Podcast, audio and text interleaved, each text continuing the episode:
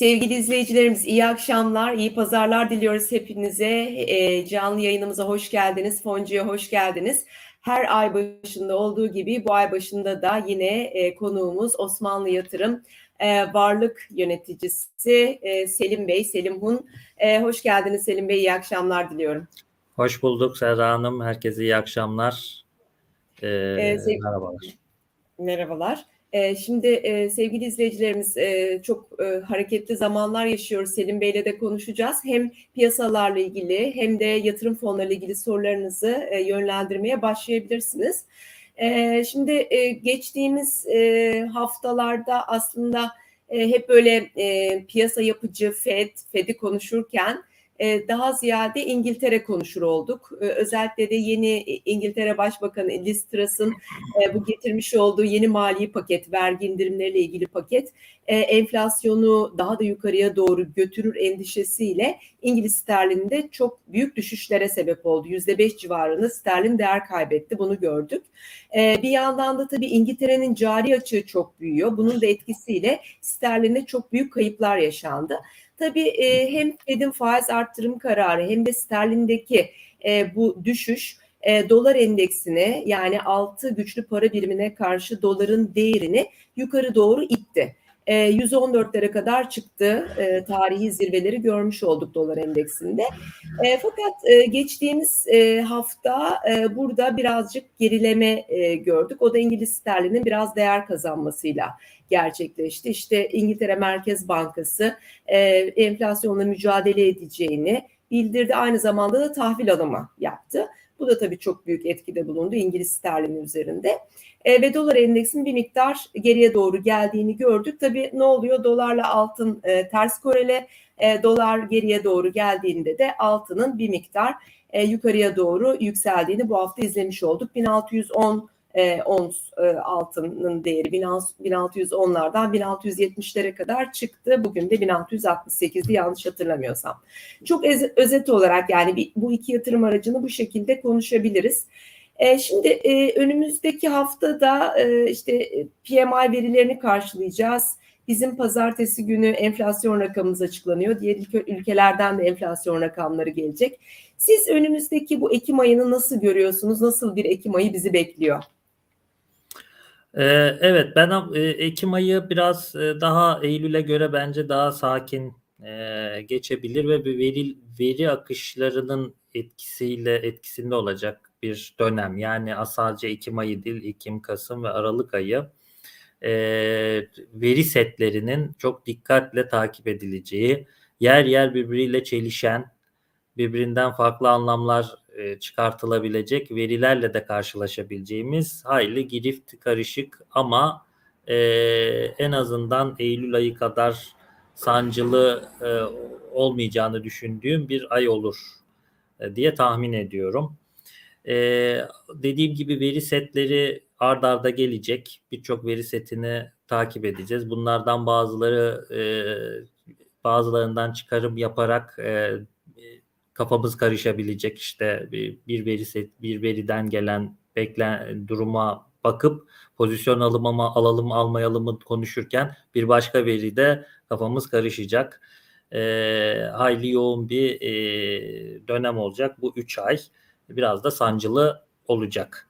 Bir evet. bilanço dönemiyle de girip bir vaziyete gelecek e, Kasım ayında. E, böyle bir durum söz konusu.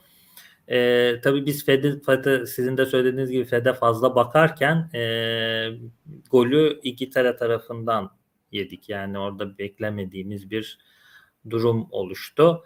E, aslında vergi indirimleriyle sinyali de verilmiş bir durum ve biraz da mecburi bir adım olarak yani oradaki emeklilik fonlarını e, kurtarabilmek adına atılmış mecburi bir e, adım atılarak işte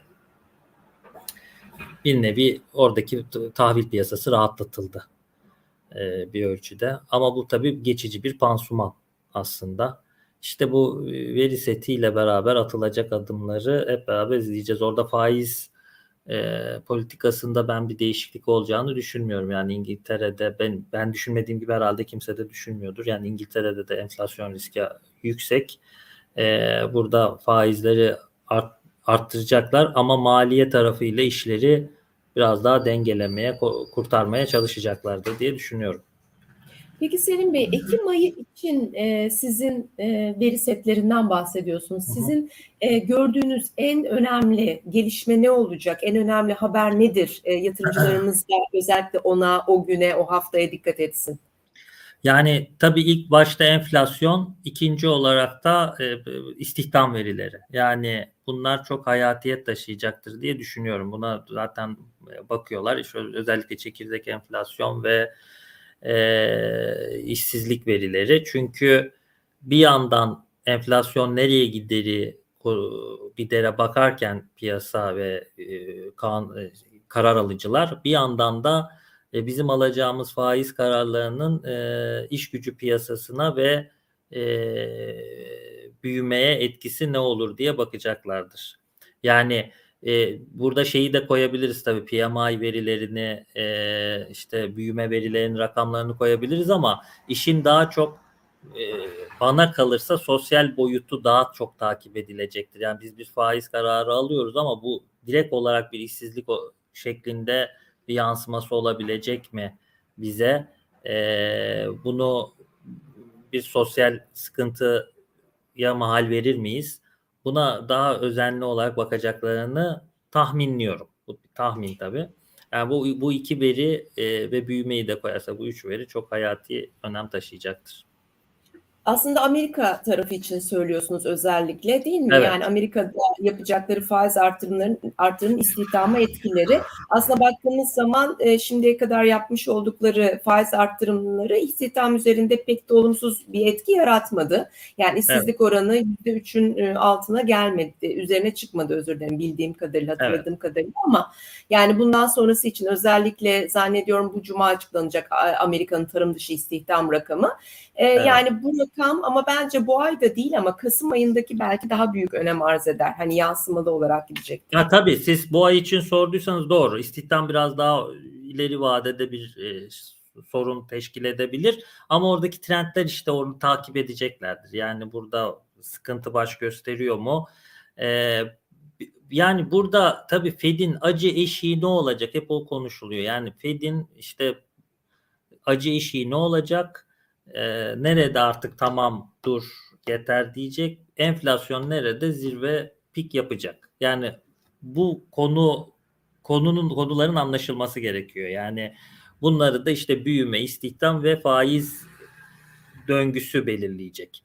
Yani faiz nerede olacak, büyüme nerede, en- enflasyon nerede, işsizlik nerede? Bunlara e, çok dikkatli şekilde takip edeceklerdir trendleri diye düşünüyorum.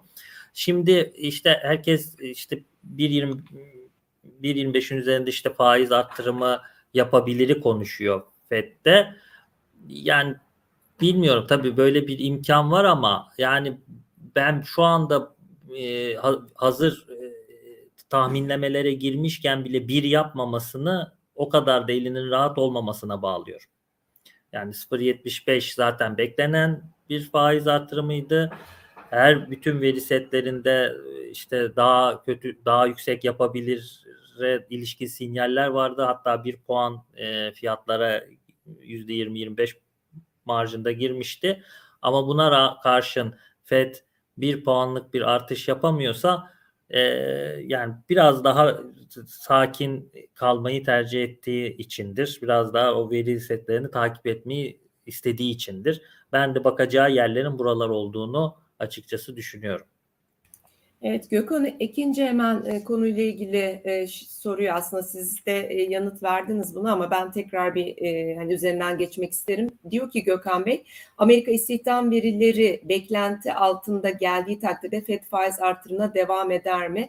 Fed'in önceliği sizce istihdam mı yoksa enflasyon mu? Gerçi Fed e, daha doğrusu Powell yaptığı konuşmalarda hep bunu vurguluyor. Bizim önceliğimiz enflasyon, biz bu enflasyonu aşağı çekeceğiz diyor.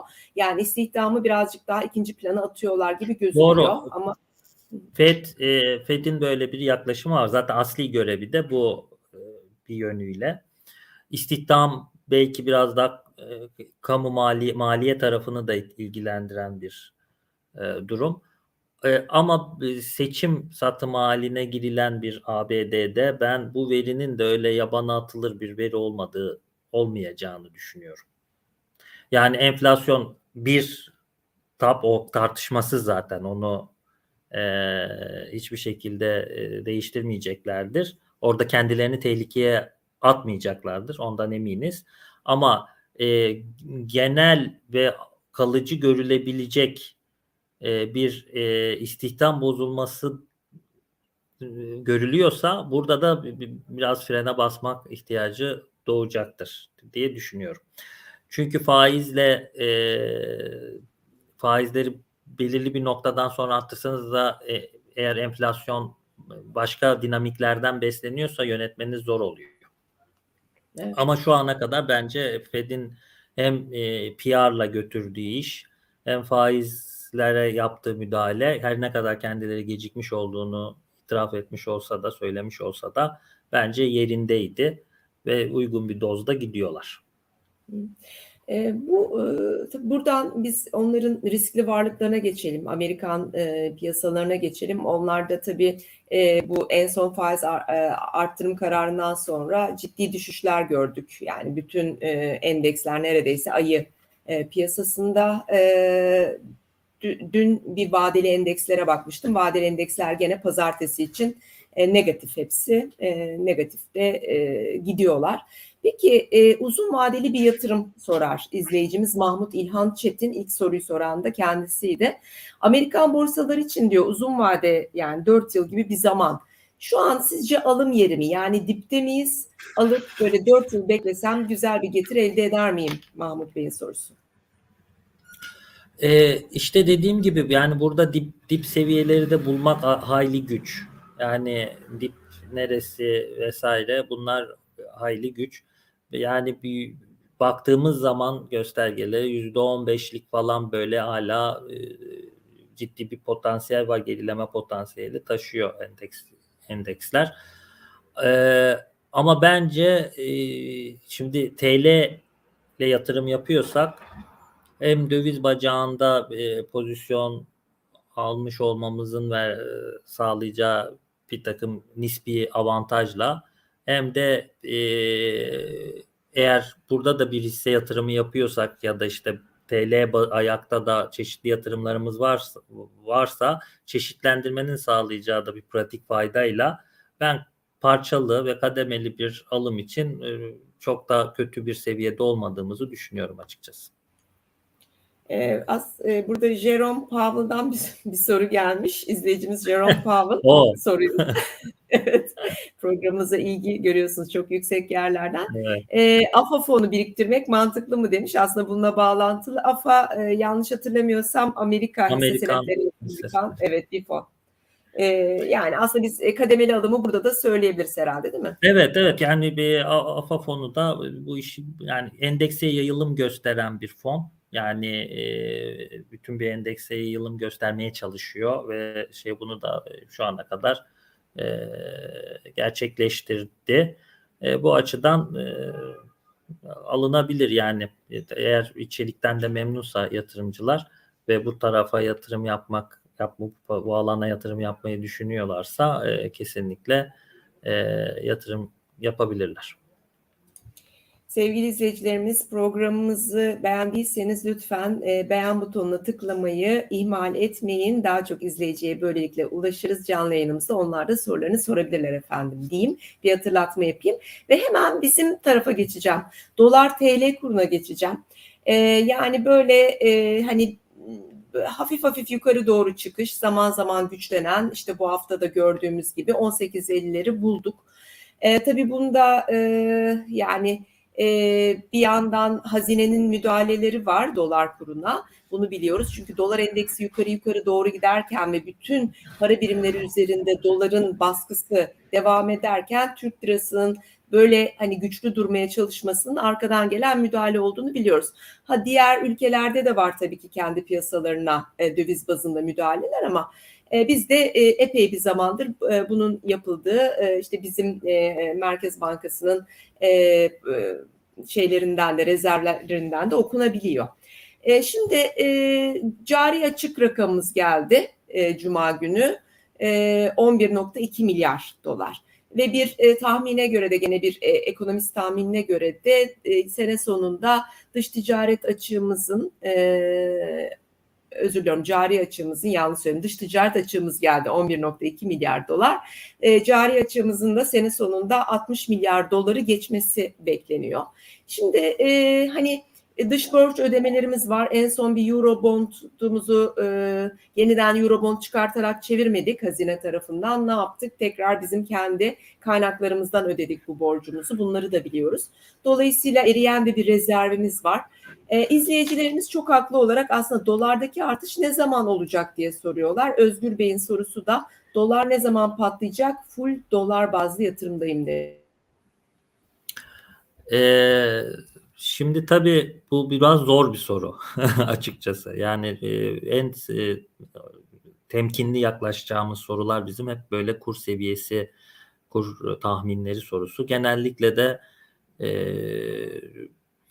yüz, çoğu kurumun e, ciddi sapmalar gösteriyor tahminleri. E, mesela geçen sene de bunu gördük yani biz nerelerde kur yılı bitirir derken birden şapkadan tavşan çıktı kur korumalıyla beraber bütün tahminler çöp oldu. Bu açıdan çok sıkıntılı bizim şeyimiz çünkü yönetilen bir kur var. Şimdi yönetilen bir kur olduğu için yani belirli ölçüde Merkez Bankası müdahaleleri kanalıyla ve her gün gelen çeşitli e, düzenlemelerle, regülasyonlarla yönetilen bir döviz dur- durumumuz var yani TL dolar var. Burada tahmin yürütmek hayli güç. Ama sizin paylaştığınız veriler ki gayet daha işte oradaki cari açığın büyümesi, işte yapacağımız çeşitli ödemeler, e, yabancı sermaye girişlerinin Türkiye'de yavaşlaması, e, kışın turizmden de gelecek desteğin azalacak olması tüm bu veri seti açıkçası doların yukarı yönlü gitmesi gerektiğini düşündürtüyor. Ama bu düşünüyor, bu veri setinin desteklediği şey gerçekleşmesi dediğim gibi yani regülasyonlarla bir takım engeller var. Yani burada swap kanalları kapalı, biz bize daha çok biz bize kaldığımız bir piyasa. Ama buna rağmen hala döviz ihtiyacı olan bir ülkeyiz. Çünkü ekonomiyi çok fazla soğutmuyoruz. İthalat ithalat yapıyoruz. İthalatı ihracattan fazla yapıyoruz. İşte zaten bu o demek. Ee, ve bu enerji maliyetlerinde ciddi yükseliş var. Ham madde fiyatlarında ciddi artış var ve ülkelerde ülkeleri yani bu tüm ülkelere ülkelerin etkilendiği bir şey. Ee, bizim şirketlerimizin de stok seviyelerinde bilmiyorum ama bazı sektörlerde ciddi azalma var. Artık onlar da zam yapmak mecburiyetinde kalacak. E, çünkü yeni alacakları ham maddelerin maliyetleri e, yüksek olacağı için ve bu da enflasyonu da arttıracak vesaire. Tüm bu veri setiyle beraber baktığımızda yani doların en azından en azından enflasyon kadar yükseliyor olmasını beklemek çok gerçekçi. Yani e, en azından diyorum yani e, çünkü bu daha fazla da olabilir ama ta, yönetilen e, işte çeşitli kararlarla her gün e, bir takım getirilen e, düzenlemelerle e, mecburi olarak e, baskılanan bir kur var. E, ister istemez ama en azından döviz kurunun burada çünkü ihracatçıyı da zor durumda bırakabilirsiniz yani bu, bu kur seviyeleriyle. Çünkü biz bu yola e, TL'leşme stratejisine ihracatçımızı destekleyip e, cari açığımızı düşürmek üzere çıktık.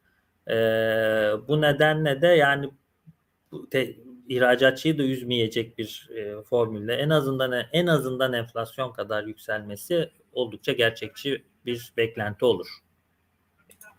Peki e, Selim Bey e, bir izleyicimiz ismini göremedim ama direkt dolar alıp e, beklemek mi yoksa serbest döviz fonlarından almak mı daha mantıklı diye sormuş. Serbest döviz fonlarını neler etkiler demiş. Tabii türlü çeşitli e, döviz fonu var. Hani bunu da söyleyelim içlerinde neler olduklarına bakmak lazım. Tabii yani hisse senedi yatırımı yapanından Eurobond alan ya- yatırım Eurobond yatırımı yapanına kadar çok çeşitli serbest döviz fonları var. Özellikle siz hangi varlık sınıfında işlem yapmak istiyorsunuz, yatırım yapmak istiyorsunuz ona bakmak lazım. Burada tabii e, risk toleransınız da oldukça önem taşıyor.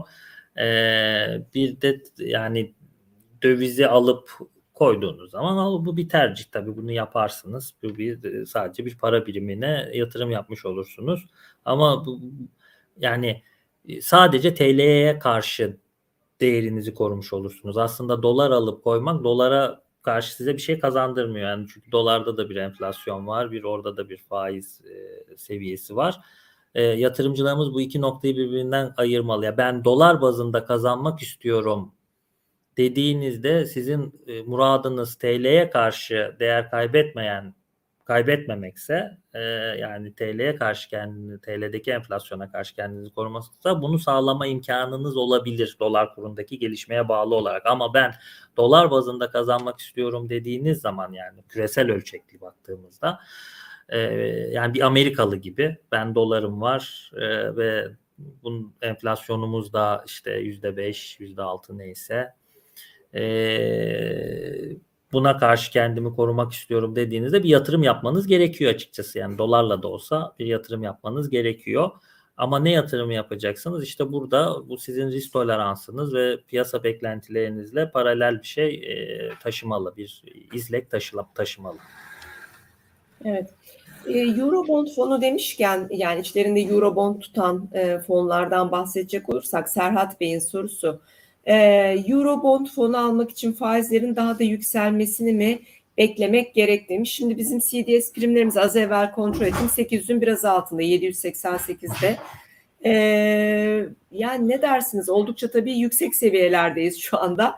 Zor Evet. sorular bunlar biliyorum E, Selim Tabii Bey. tabii. E, abi şu dönem yani bir terlediğimiz kadar herhalde hiçbir şeyde terlemiyor. Yani hiçbir dönem terlemiyoruzdur. İnşallah başka bu- başka bu kadar da terlediğimiz dönemlerden geçmeyiz. Ama oluyor bu tabii işte e, öyle bir dönem. Bence İnsanın dünya cilveli, evet bu- aynı mesleği yaptığımız dünyadaki diğer meslektaşlar da aynı sıkıntıları yaşıyordur. Çünkü yani bütün varlık sınıflarında bir tehdit var. Yani tahvil piyasasına giriyorsunuz faizdir diye orada bir dayak yiyorsunuz. Hisse senedinde dayak yiyorsunuz. E, altında keza benzer. Yani işte bu bu nedenle gerçekten çok zor. E, şimdi Eurobondlarda da evet CDS'ler yani dünyada yükselen bir e, yani CDS var. Yani bütün dünyada yükseliyor. Bu biraz da risk iştahının azalması e, ile paralel bir şey. E, açıkçası e, yani biraz daha temkinli olunabilir. Yani Eurobond e, evet fiyatlar cazip mi? Gerçekten cazip fiyatlar var. Yani baktığınız zaman e, yani yüzde on e, getirilerde 9-10 bandında yani bir banka Eurobond'u bulabiliyorsunuz. Biraz daha risk iştahınız yüksekse e, özel sektör e, Eurobondları da var. Yani e, burada 17, 18, 19 gibi korkunç faizler e, dolar getirilere e, alabileceğiniz e, özel sektör Eurobondları da piyasada mevcut işlem görüyor. Alınıp satılıyor. E, tabii bu sizin de biraz da risk toleransınızla ilgili bir şey. Ama açıkçası burada volatilite yani Türk Eurobondlarıyla ilgili konuşuyorsak sürecektir. Yani bizde çünkü daha biz e, e, enf- enflasyonu konuşuyoruz. Enflasyonu şey yapıyoruz ama faizle daha müdahale edilmiş bir enflasyonumuz yok. Şayet ileride paradigma değişirse yani değişmeyeceği şu anda siyasi otorite tarafından ilan edilmiş durumda. Ama şayet siz bu paradigmanın değişeceğini düşünüyorsanız yani heterodoks yerine tekrar e, bilindik ma- e, bir iktisadi yaklaşıma evrilirse e, yönetim burada faiz oranlarında ciddi bir e, artış görülebilir ve bu tabi ister istemez bütün yatırım enstrümanlarında dengeleri bozar. Ama Eurobond tarafında sadece tabi TL tarafı yani burada ülkede olacak hadiseler değil. Tabii yurt dışındaki faiz hatlarının da belirle, belirginleşmesi lazım. Yani dolarda nereye gidiyoruz? CDS ne? E, dolar faizde neredeyiz? Bunun bu da net değil. Yani şu anda birisi söylerse FED e, faizleri şurada bırakacak artık. İşte neyse o 4,5 mu 5 mi? Burada bırakacak artık ve CDS de ortalama işte bu bantta gidecek dediği an evet bakarsınız Eurobond fiyatı bu getiriyi sağlıyor mu size? CDS'de Amerikan faizlerini toplarsınız. E, üstünde bir getiri varsa alırsınız yani gayet mantıklı bir iş yapmış olursunuz böylelikle. Ama bu bu hatler belli değil. O yüzden kafalar karışık. E, ben biraz daha e, bu alanda biraz daha temkinli olunabileceğini düşünüyorum. Yani e, çünkü fiyatlar her ne kadar makul olsa da bir miktar daha dalgalanmaya açık. Özellikle Eurobond fonu yatırımcıları e, dövizle giriş yapılan Eurobondlara özellikle Eurobond fonlarına giriş yapan yatırımcılar yani biraz daha e, temkinli olabilirler. Evet, şimdi ben e, size e, gecenin sorusunu soracağım. Borsa İstanbul'la ilgili. E, şimdi bir izleyicimiz Aytekin Bey sorunca e, aslında bunu da gündeme getirmek istedim. Çünkü biz bu programlarımızda hiç konuşmadık bu konuyu. Hazırda sizi bulmuşken bir aracı kurumda bir yatırım danışmanı e, olarak e, Aytekin Bey diyor ki banka endeksinin yükselmesi ne zaman başlayabilir diye sormuş. Ama ben daha geriye saracağım filmi. Diyeceğim ki Temmuz'un ortasından 12 Eylül'e kadar banka hisse senetlerinde çok hızlı artışlar gördük. %150'ye varan getiriler e, tavan tavan tavan gitti. Sonra bir anda 12 Eylül'den itibaren e, bunlarda düşüşler görmeye başladık.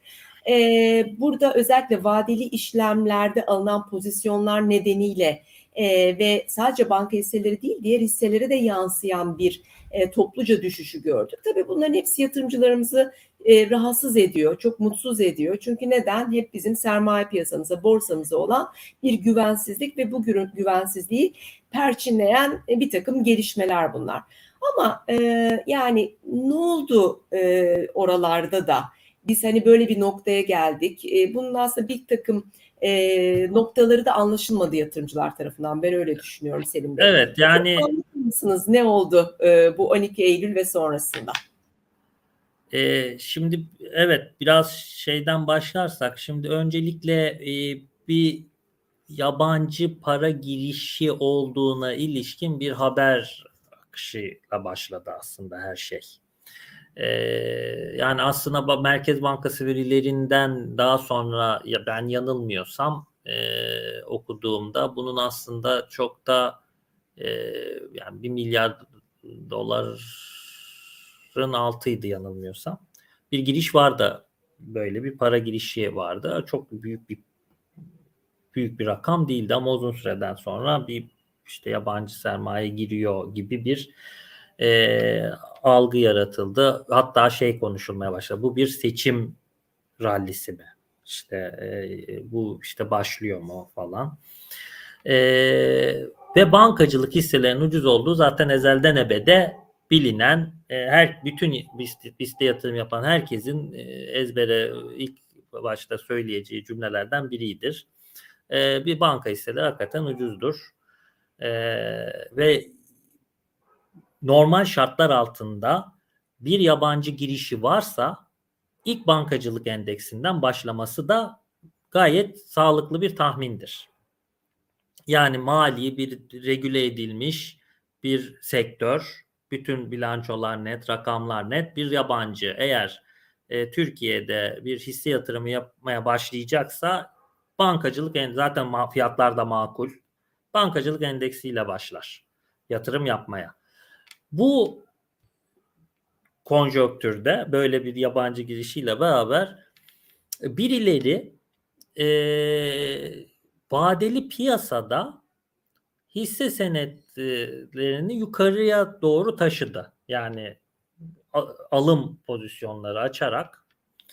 E, tabii bunu spota spot takip etti. Yani işte e, orada arbitraj işte hisse swap işlemlerine zemin, zemin oldu. Yani orada spottan alıp vadeliden satmak gibi bir takım e, faize dönük işlemler de bunu destekledi. İşte bunu çeşitli fonlar da yaptı, yatırımcılar da yaptı.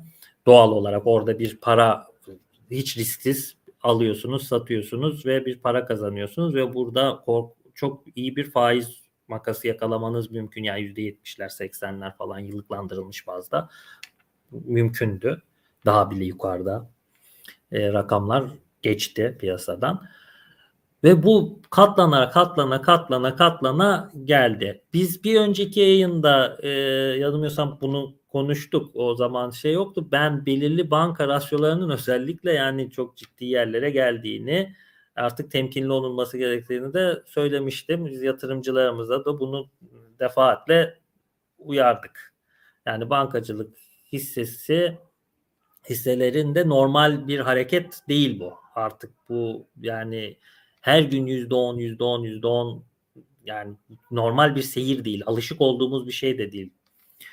Ee, ucuz ama böyle değil yani. Bu kadar değil. Hatta belirli banka e, hisselerinin e, yani birin üstünde rakam şeylere falan geldiğini PDD'lerin vesaire.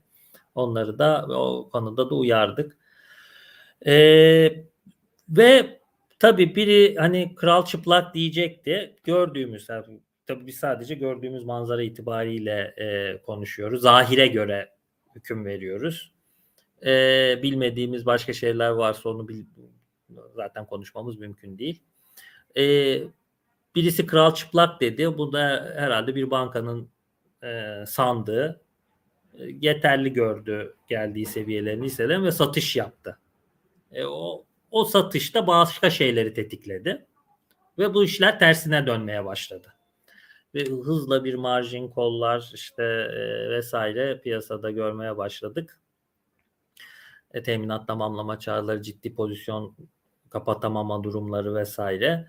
Ve iş bu noktaya kadar ne yazık ki geldi. Aracı kurumları da zor e, durumda bak bazı aracı kurumları zor durumda bırakan bir pozisyona evrildi. Yani özet şeyi bu. E, Aytekin Bey'in sorusunda da banka endeksi e, umarım ki kendisi yani nereden aldı, ne kadar aldı, ne, hangi gün aldı onu bilemiyorum ama e, şu andaki seviyeler artık yani biraz daha sakin ve makul seviyelerdir. Yani bankacılık açısından e, rakamlar açısından normalleşmiştir yani o önemli ölçüde. E, ama tabii o ilk o çıktığı seviyelere gelmesi yani biraz sürecektir diye düşünüyorum ben. Yani ve tekrar başa dönersem söylediğim gibi ciddi bir yabancı yatırımcıyla e, bu işlerin evet. olacağını düşünüyorum. Yani bir yabancı yatırımcı evet, yabancı girişi olursa yani. burada gene orada en fikir yani biz bankacılık endeksiyle giriş yapar diye tahminliyorum. Bankacılık endeksi dışında önümüzdeki bilanço dönemi için Baransel Bey'in sorusunu soruyorum. Bilançoları güçlü gelecek sektör beklentilerinizi paylaşabilir misiniz? Tabii beklen şimdi burada daha e, henüz onlar e, çıkmadı. Yavaş yavaş kafamızda şekilleniyor ve işte yaptığımız yatırımcı görüşmeleriyle işte e, okuduğumuz raporlarla vesaire bunları e, göz gözlemlemeye çalışıyoruz, tahminlemeye çalışıyoruz. E, burada enerji sektörünün e, pozitif ayrışacağını e, düşünüyoruz. E, şey bu son 3 aylık dönemde ama bilançolar açısından e, e, bankacılıkta da bir ben iyi bilançolar göreceğimizi düşünüyorum Kasım ayı içerisinde. E, bunun dışında e, güçlü sanayi şirketlerinden de iyi bilançolar göreceğimizi düşünüyorum. Bir enflasyon muhasebesi olmadığı için Türkiye'de hali hazırda çalışan ama bunu e, işte iyi bir takım bilançolarda çalıştırabiliyorsunuz. Burada bana göre bu büyüme rakamlarıyla Türkiye'de e, çok fazla sektörden çok fazla iyi bilanço göreceğiz. Kasım ayında diye düşünüyorum.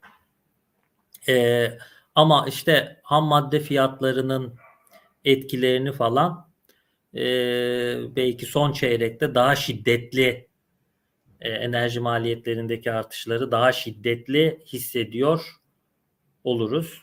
Ama beklentim hem enerji sektöründe'nin daha pozitif ayrışabileceği, gıda sektörünün biraz daha pozitif ayrışabileceği son 3 aylık e, periyotta kış döneminde e, daha iyi ayrışabileceğini söyleyebiliriz.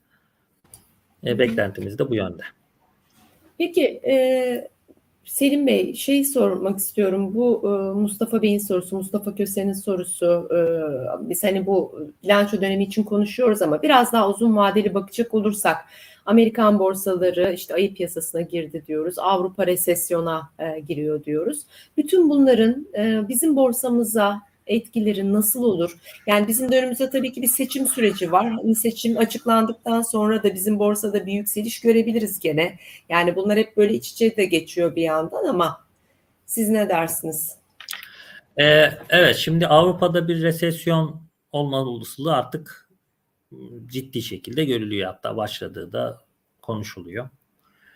Ee, bu bize bir kere oldukça negatif etkiler. Yani ihracatımızın çok büyük bir ağırlığını biz Avrupa piyasasına yapıyoruz ve bu piyasa yerine hemen hali hazırda bir başka bir piyasa bulmanız mümkün değil. E, tabii bu da ihracat yoğun e, şirketleri oldukça negatif etkileyecektir. E, pazarı ağırlığı Avrupa olan ki bu çoğu şirket böyle. E, o, burada negatif ayrışacaktır. E tabi Amerikan piyasaları tüm dünyayı etkiliyor. Sadece bizi değil yani tüm dünyayı etkiliyor. E, o, çok güçlü bir pazar, her yere ihracatı var vesaire. Yani büyük bir ekonomi her yere para para gönderebiliyor, para yatırım yatırım enstrümanlar açısından çok zengin bir ağ. O yüzden orası da ayı piyasasında olmuş. O da bizi zaten şu anda da etkiliyor. Yani e, her ne kadar bazı günler çok ayrı pozitif ayrışsak da ya, bu biraz daha bizim yabancı yatırımcıdan biraz daha ayrışmış bir Borsa İstanbul oluşundan kaynaklı. Biraz çünkü ciddi anlamda az, az bir yabancı yatırımcı var. Ama tüm bu konjonktür aslında e, BIST için de bir tehdit oluşturuyor. Bizi biraz daha ayrıştıran hali hazırda uygulanan faiz politikası, yüksek enflasyon e, ve seçim, sizin de belirttiğiniz gibi bir önümüzde seçim satımı haline giriş giril, girmemiz. Bunlar e, durumu biraz daha e, Türk yani BIST lehine de, değiştiriyor. E, Gene dünyada ben Kasım ayında e, gelecek olan Amerika'da özellikle Amerika ve e, Türkiye'de gelecek olan bilançolarla durumun e, borsalar lehine oluşabileceğini düşünüyorum yani. Özellikle şirket bazlı olarak yani bir, Amerika'da bir şirketin bilançosu iyi gelecek. Hop haydi onunla beraber o sektöre bir alım gelecek. O yukarıya taşıyacak. Öbür, öbürkü gün e, bir başka şirketin bilançosu biraz beklenenden aşağıya gelecek. Moraller bozulacak. İşte satış göreceğiz falan böyle volatilitesi yüksek bir dönem olacaktır. Bu bizde de buna benzer veya buna yakın olabilir. Yani o açıdan zor ama bir de bir sıkıntı da şey yani Avrupa'da bankala, bankacılıkta baş gösteren ve işte Credit Suisse'in başı çektiği bir bankacılık sektöründe de bir sıkıntı var. Orada işte konuşulan işte Credit Suisse'in ciddi bir sıkıntıda oldu. Şayet bu eğer çözümlenmezse orada oluşacak Avrupa'da bankacılık piyasasında oluşacak sıkıntı bütün şeyleri dengeleri Türkiye'de de bozar diye tahmin ediyorum. O, o olanı da iyi takip etmek lazım oradaki gelişmeleri. E, Kubilay Bey de sizin bu söylediklerinizden hareketle onun sorusunu e, sormak istiyorum. Yabancı hisse fonlarından e, çıkalım mı? Dış piyasalar kötü durumda getirisi çok düştü diye soruyor. Haydar Aslan nerede? Aslında yabancı yatırım fonlarına ne yönde pozisyon almalıyız diye soruyorlar. Yani önümüzdeki e, mesela ocağa kadar düşünebiliriz biraz daha kısa vadeli e, ya da hani uzun vadeli tutan yatırımcılar için tabii gene elde biriktirilebilir. Hani kademeli olarak gene alınabilir. Bunlar bir fırsat olarak düşünülebilir ama ellerinde tutanlar için siz ne dersiniz? Yani tabii elinde tutanın e, portföyünün ne kadarlık bir kısmını burada tuttuğu önemli.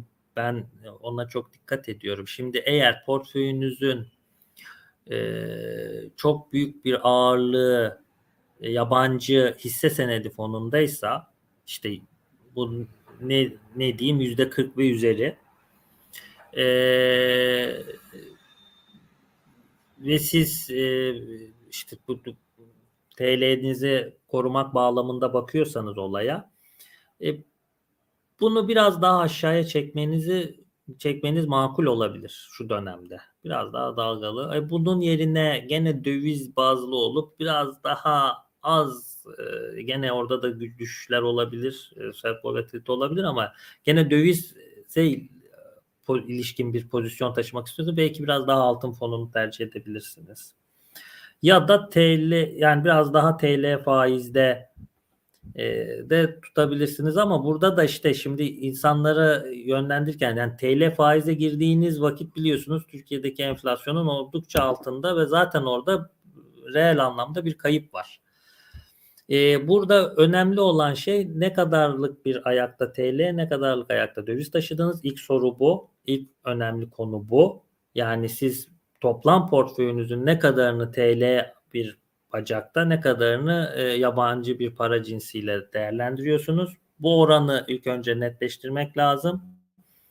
E, eğer bunu netleştirdiyseniz yani hiçbir portföyün yüzde kırkının tek başına bir yabancı hissede olması biraz yüksek bir risktir. Bu volatilite e, şeydir yani sert olabilir. Bunu biraz azaltabilirsiniz. Ben çıkmayı düş açıkçası önermem tamamen çıkmayı önermem. İki nedenle önermem. Bir dolar pozisyonu nedeniyle önermem. İki e, yani dediğim gibi yani bu, doğru evet volatilite evet ayı piyasası sert satışlar görüyoruz. E, ama işte bir Kasım ayı bilanço ayı yani şurada da çok bir şey kalmadı yani ee, burada gelecek olan iyi bilançolarla vesaire e, durum değişebilir. E, ben açıkçası zor bir kış olacak. E, hisse pozisyonlarının tabi yani yabancı hisse pozisyonlarının azaltılması makul görülse de hani hep toptan olarak yani satışını ya da işte hiç taşınmamasını da e, aslında Doğru. çok doğru bulmuyorum. Evet. Çünkü bir potansiyel de var yani. Var. Peki çok teşekkür ediyoruz bu soru için de. Ben şimdi diğer sorulara geçmeden hemen bir e, anons yapmak istiyorum, bir duyuru yapmak istiyorum. Ee, Selim Bey belki siz de katılacaksınızdır. İzleyicilerimize de buradan duyuralım. Dünya Yatırımcı Haftası başlıyor yarın.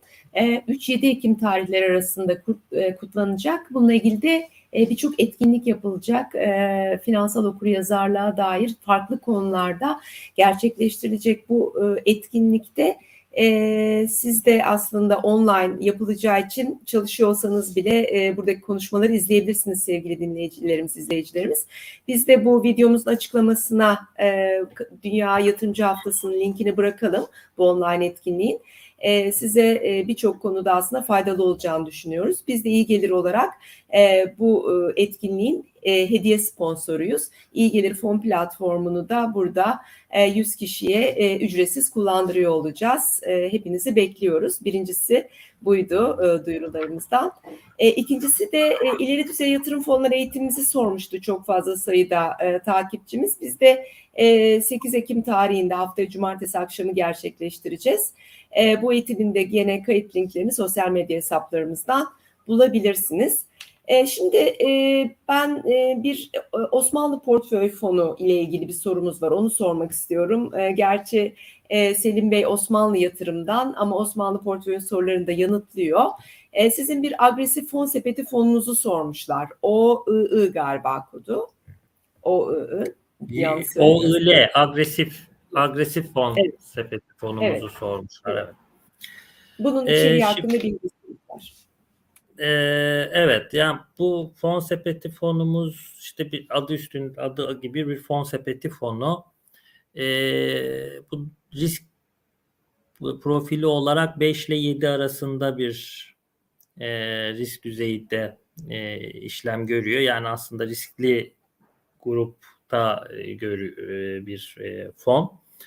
E, diğer e, portföy yönetim şirketlerinden ve biz bizden Osmanlı portföyden de fonlar alarak bir seçki yapıyor. Bir dağılım bir aslında bir korelasyon yapıyor. O korelasyona uygun fon seçimlerini yapıyor e, ve alımları gerçekleştiriyor. Yabancı ibareli fonlar da dahil olmak üzere e, birçok fon alıyor. E, ve bu mevduatın e, hedef olarak tabii şimdi mevduat belki kıstas olarak hoş bir kıstas değil ama mecbursunuz bir kıstas belirlerken 5 puan artı 5 yüzde 5'te üstünde bir getiri hedefiyle e, çıkartılmış bir fon. Dediğim gibi yabancı hisse senedi, altın, emtia, e, fa, TL faiz, yabancı para faiz olmak üzere bir birçok e, kategoride yatırım yapabilir. E, yani o anlamda dövize bağlı yatırım, yani yabancı ibareli e, yatırım fonlarına ve borsa yatırım fonlarına da yatırım yapma imkanına sahip ama e, her hiçbir koşulda yabancı para e, olarak yapılacağı yatırım fon toplam değerinin %80'ini geçemiyor. Böyle bir kıstası var. Yani bu ilkeler çerçevesinde e, kendi yaptığı dağılıma göre e, kolokasyona göre e, bir e, fon seçkisi yapıp e, yatırımını gerçekleştiriyor ve dediğim gibi 5 ile 7 aralığında bir bantta risk bantında e, bir fon. Ee, Osmanlı e, portföy fonlarını ve diğer e, portföy şirketlerinin fonlarını Osmanlı yatırımdan satın alabiliyorsunuz. Eğer e, bunlarla ilgili detay bilgi almak isterseniz de Selim Bey'in e, Selim, Selim Bey'e ulaşabileceğiniz bir linki gene videonun açıklamasına bıraktık sevgili izleyicilerimiz. Buradan bakabilirsiniz. Şimdi Semih Yapıcı'nın sorusu e, Selim Bey. E, şimdi geliyorum birazcık daha böyle önümüzdeki dönem için neler yapmalıyız sorularını. Bir Semih Bey'in sorusunu sormak istiyorum. Diyor ki tüm dünyanın resesyona girdiği bir dönemde yatırımcılara tavsiyeniz nelerdir? E, evet yani burada e, konu şu. E, şimdi resesyona giriliyor ama ne tür bir faizle girilecek? Bu önemli bir konu. E, resesyon hali hazırda şirket karlarını da negatif etkileyeceği için burada yani e, hisse yatırımına paralel faizli ürünlere de artık yatırım yapılabilir olacaktır. Yani orada faiz ciddi bir enstrüman olarak duracak e, ve ağırlığı da yükselecek. E, bu faiz marjı şayet tabi enflasyonun altında kalacaksa ve biz resesyona biraz daha stagflasyona benzer bir e, durumda e, gireceksek hisse senedinden ve emtiadan da vazgeçemeyeceğiz. E, yani salt bir faizden oluşan bir portföyde bizi enflasyonun altında bırakacaktır faiz e, adlerin enflasyonla farkı nedeniyle. E, bu durumda da belirli ölçüde risk toleransımıza göre yine de iyi bir dağılıma sahip hisse fonu, işte kıymetli maden ve emtia fonlarını da yine de taşıyacağız. Şu soru için erken yani nasıl bir dağılımla resesyona girilmeli sorusu nasıl bir resesyonla girdiğimizle ilişkili bir soru. Yani eh, resesyon var, resesyon var. Hangi resesyondan bahset, nasıl bir resesyondan girdiğimizde önem taşıyor. Şayet faizlerin makul seviyelerde ve enflasyona yakın ya da ona geçme eğiliminde yer yer olduğu bir durumda faizi kesinlikle işte kullan portföyümüzde bir e, ana enstrüman olarak kullanıyor olmamız gerekecek. Yok işte dediğim gibi ki ben ona daha yakın olacağını düşünüyorum. Yani faizlerin enflasyonun üstüne çok da çıkamayacağı biraz daha işte durgunluk yönünün ağır basacağı bir dönemde tam e, durgunluğa başlayacağımız ve gireceğimizi düşünüyorum. O nedenle e, yine de mecburi olarak biraz daha riskli varlıkları portföylerimizde kendi risk toleransımıza göre taşımamız gerekecek ki bu işte faizden elde ettiğimiz geliri ilave bir gelir e, sağlama potansiyeli taşıyıcı, taşıması için portföyümüzün elzem olacaktır diye düşünüyorum. Ama tabii beklememiz ve nasıl bir resesyona girmemiz gireceğimizi ön, bakmamız lazım. Anladım. Bir de resesyondan tam çıkarken artık işte evet hisse senedi portföyünün arttırılması işte tekrardan e, biraz daha oranının yükseltilmesi gerekecek ama daha bunlar için yolumuz Erken. var gibi görünüyor. Evet. Doğan Kaya da genç bir takipçimiz galiba. Çünkü der ki e, teşekkür etmiş yayın için. Bizi izlediğiniz için teşekkür ederiz. E, genç takipçileriniz için uzun vadeli bir yatırım stratejisi olarak ne önerirsiniz diye sormuş Doğan Kaya. Ee, genç takipçilerimiz için tabii şimdi Türkiye'de tasarruf büyüklük büyüklüğü genellikle orta yaş ve üzeri kitlededir. Yapılan araştırmalar bunun böyle olduğunu gösteriyor. Ee, genç yatırımcılar daha tasarruf boyutu itibariyle küçük yatırımcılar e, bence e, risk alabilirler. Yani biraz daha risk e, iştahlarının yüksek olması gerektiğini düşünüyorum ya da öyle olmalı diye tahmin ediyorum. Bu açıdan yani bence iyi oluşturulmuş bir hisse senedi fonu 10 yıl 15 yıl vadede yani iyi iyi bir getiri sağlar diye tahminliyorum. Yani bütün veriler de bu bunu söylüyor zaten. Yani geçmişe baktığımızda yani geçmişten bugüne yapılan gelen getirilerde biz bunu görüyoruz. Evet bunu başka e, dönemsel olarak yer yer faiz ve işte ciddi olarak gene aynı uzun periyotta kıymetli madenlerle de zenginleştirilebilirsiniz. Ama dediğim gibi yani uzun vadede zaten önünüzde çok uzun bir çalışma hayatı olacaktır genç arkadaşların. E, tasarruflarını arttırmaları için bence e, küçük tasarrufların biraz daha e, hisse senedi gibi daha volatilitesi yüksek ama getiri kabiliyeti de benzeri şekilde yüksek olan yatırımlara yönlendirilmesi uygun olacaktır diye düşünüyorum. Doğru. E, o iyiliğinin stopajını sormuş Selim Bey. He, o, evet o onu atlamışım. Evet doğru. Hı hı. O ile bir fon sepeti fonu olduğu için e, Aralık ayına kadar normal o stopaj avantajından yararlanıyor. Yabancı fon sepeti fonlarında yok isminde yabancı geçen evet, ama evet ama kendi is, isimde yabancı isminde yabancı fon sepeti ibaresi olmadığı için bir fon hı hı. sepeti fonu olarak kurulduğu için ve yani fonda alıp sattığı için e, stopaj avantajına tabi. Hı hı. Selçuk Bey, e, Savaş, Selçuk Savaş katıldan e, üyemiz e, der ki e, acaba bilinmezliklerin çok olduğu bu günlerde değişken fonlarla ilgili düşünceleriniz nelerdir? Yani tabii değişken fonlar da e, kendi stratejilerine göre e, çok düşük riskten çok yüksek riske kadar farklı farklı e, kategorilerde yer alıyorlar. E, dolayısıyla burada belki bunları hani orta riskli, düşük riskli, yüksek riskli diye e, değerlendirmek lazım.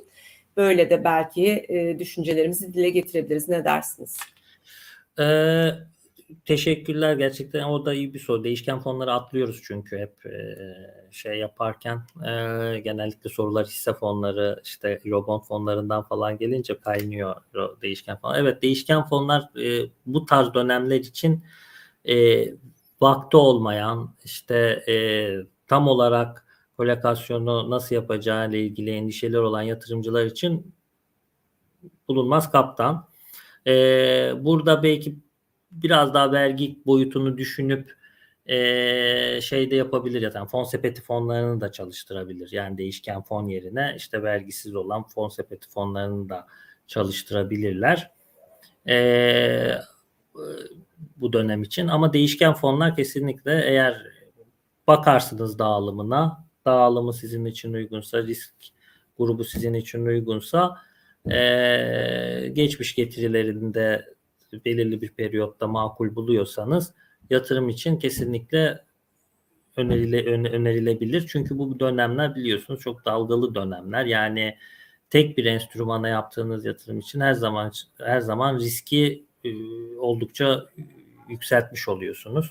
Yani değişken fonlar ben kolokasyonu nasıl yapacağım, işte dağılımımı nasıl yapacağım, yüzde kaç hisse taşımalıyım gibi so- sorunlarla, uğraşmalarla uğraşmak istemedi istemiyorsanız e, bence gayet faydalı olur. Değişken fonlar. Evet. evet.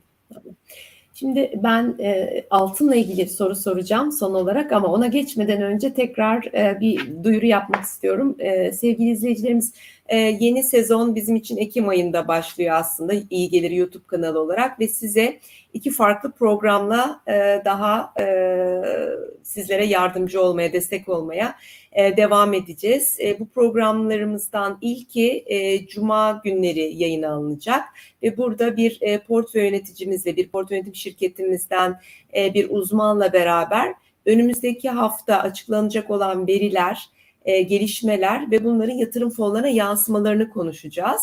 E, ben bunun e, sizler için çok faydalı olacağını düşünüyorum. Sizden de zaten bu yönde çok talep gelmişti. E, biz de işte bir yaz dönemi boyunca aslında böyle bir programı nasıl yapabiliriz bunun üzerinde çalıştık, organizasyonunu yaptık. İnşallah bu cuma günü ilk programımızı kanalımızdan izleyebilirsiniz. İkinci programımızda fon analiz programı. Burada da her hafta farklı şekillerde seçtiğimiz fonlar, işte bunun içinde iyi gelirde en çok favorilere eklenen fonlar ya da en çok portföylere eklenen fonlar olabilir veya sizlere yaptığımız anketler sonucunda sizin seçtiğiniz fonlar olabilir. Her hafta bir fonun detaylı analizini gene kanalımızdan izleyebileceksiniz diye yeni kanal yeni programlarımızın duyurusunu böylelikle yapmış olayım. Şimdi e, Selim Bey, e, şimdi biliyorsunuz Cuma akşamı e, Putin bir açıklama yaptı ve dedi ki Ukrayna'daki toprakları, aldığım toprakları ilhak ediyorum. Şimdi bu tabii e, çok büyük bir aslında jeopolitik risk yani bundan sonra Ukrayna'nın adımı nasıl olacak? Avrupa'nın eli kolu bağlı ama o ne yapacak? Amerika ne yapacak? Yani bu e, yine aslında altının biraz eline su dökmüş oldu. Altını birazcık güçlendiren faktörlerden birisi oldu Cuma günü gelen bu bilgi. İzleyicimiz e, Ozan Bey de altın ve gümüş için e, alım zamanı mıdır diyor. Yani 1610 dolarlara kadar düşmüştü. Şimdi 1670. Mesela savaş zamanında da Şubat başında da gördük ki altın 2070 e, dolara kadar çıktı. Yine hani bu seviyelerden alıp e, tekrar bu jeopolitik risklerin devamı sonucunda altının yükseleceğini bekleyebilir miyiz? Şimdi tabii jeopolitik riskler konusu eee altıdan e, dediğiniz gibi altıda e, yükselten bir e, ortam sağlıyor. Jeopolitik risk de eksik olmuyor şu ara dünyada. E, bu bir do, gerçeklik payı yüksek bir tespit.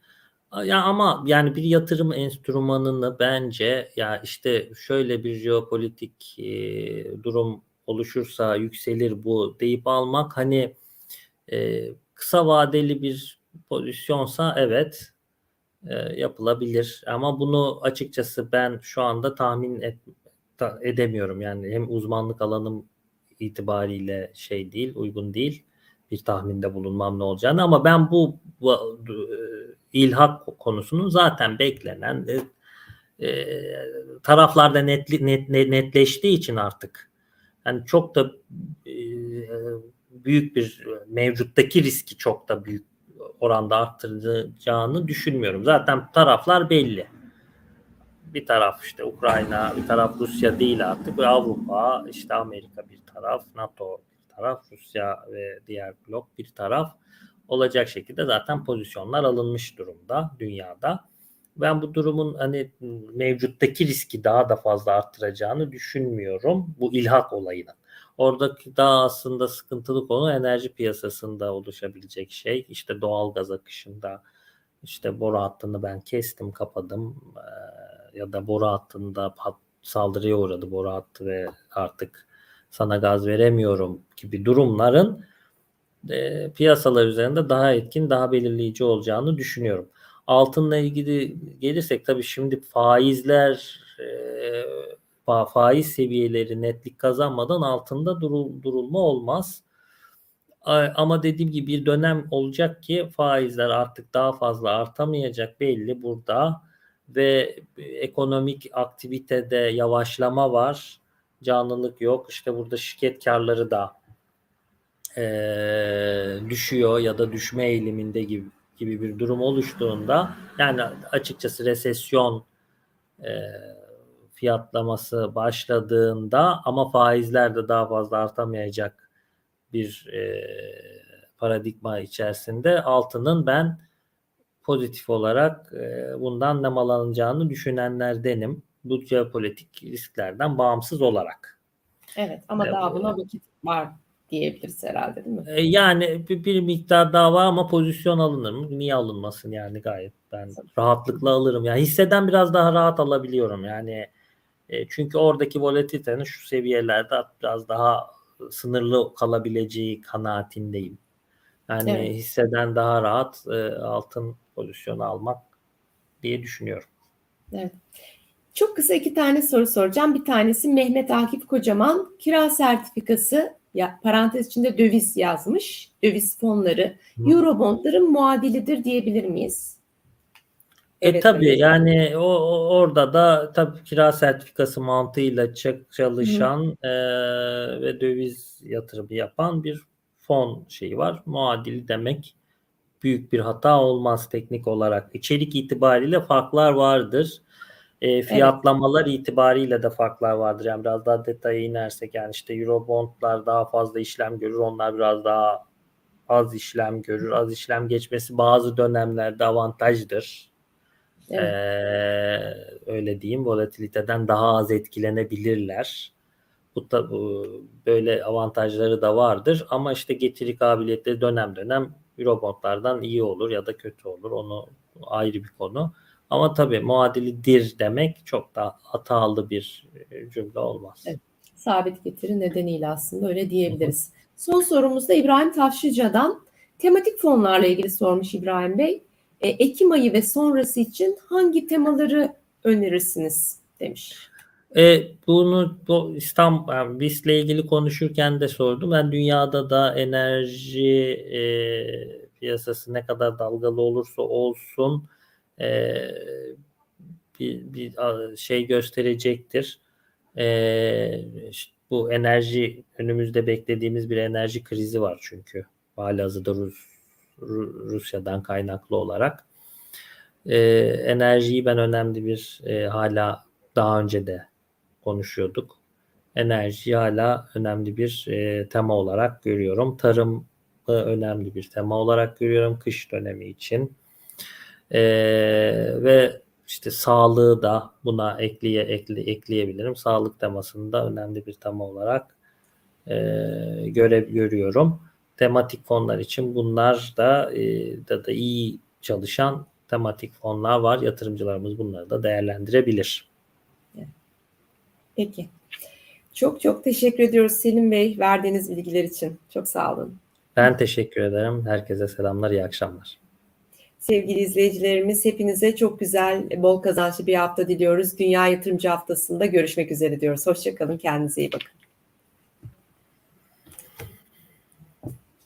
Çok sağ olun.